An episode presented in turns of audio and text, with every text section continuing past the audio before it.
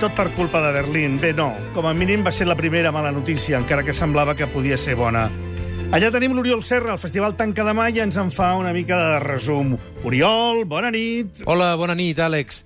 Aquesta 65a edició de la Berlinale m'ha fet constatar que el Festival de Cinema de Berlín necessita renovar-se. Probablement comenci a ser hora que el seu director, Dita Koslik, deixi la cadira. La Berlinale podria haver entrat en un camí de decadència que, de continuar, pot acabar malmetent seriosament el prestigi d'un dels principals festivals de referència internacional.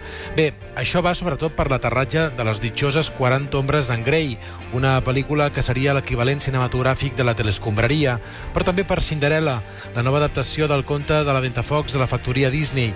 I és que, per molt que el seu director es digui Kenneth Branagh, que algú m'expliqui què hi fa aquesta pel·lícula en un festival on sempre hi ha predominat el cinema d'autor o grans produccions amb històries amb contingut polític o social. La història de la Ventafocs, sigui dit de passada, no és pròpia per a nens i nenes del segle XXI. I sí, ho dic sobretot pel masclisme del voltatge que conté. Però bé, anem a la part positiva d'aquesta Berlinale, que també hi és.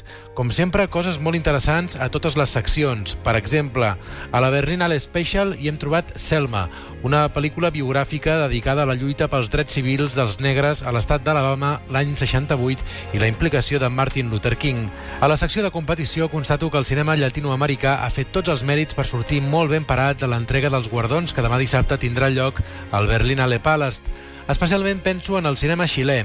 D'una banda tenim el documental de Patricio Guzmán, El botón de nácar, una nova mostra de la capacitat d'aquest mestre del documental per a fer denúncia política amb poesia de fons. En aquest cas, el fons són els increïbles paisatges de la Patagònia xilena i la denúncia està dedicada a l'oblit de les poblacions indígenes del territori que ocupa Xile, així com dels crims contra la humanitat comesos per la dictadura xilena. De l'altra banda tenim El Club, de Pablo Larraín, una pel·lícula molt atrevida que de ben segur ha provocat un terratrèmol de gran escala a l'Església Catòlica de Xile. A El Club Larraín denuncia els escàndols de pederàstia amagats per l'Església a través de quatre excapellans que viuen en un lloc remot de la immensa costa xilena. L'aparició d'una víctima del passat fa remoure històries fosques que no deixen ningú indiferent i que posen damunt la taula la hipocresia en nom de Déu practicada per l'Església. El club és una ferma candidata a l'Os d'Or i no es pot descartar que els seus quatre protagonistes guanyin l'Os de Plata conjunt a millor actor. I ja que hi som, d'actors passem a actrius. Per aquesta Berlinale hi han passat Juliette Binoche, Nicole Kidman, Kate Blanchett, Natalie Portman, Charlotte Rampling, però jo em quedo amb un nom de casa, el de Laia Costa.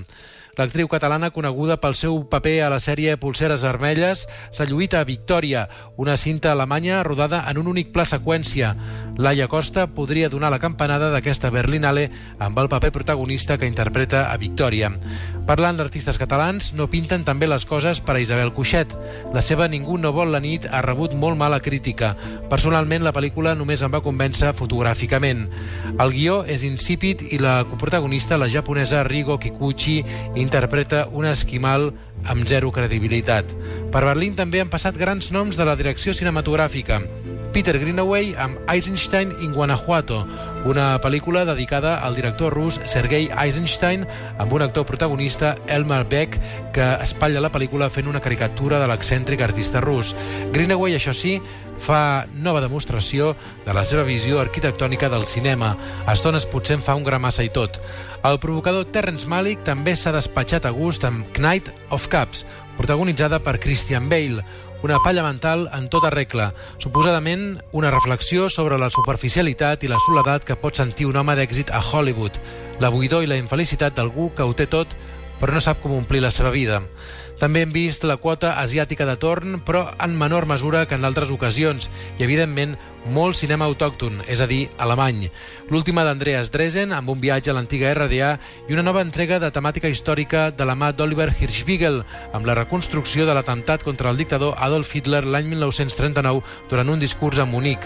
A Elser, 13 minuts, una pel·lícula dedicada a l'autor d'aquell atemptat frustrat, Georg Elser.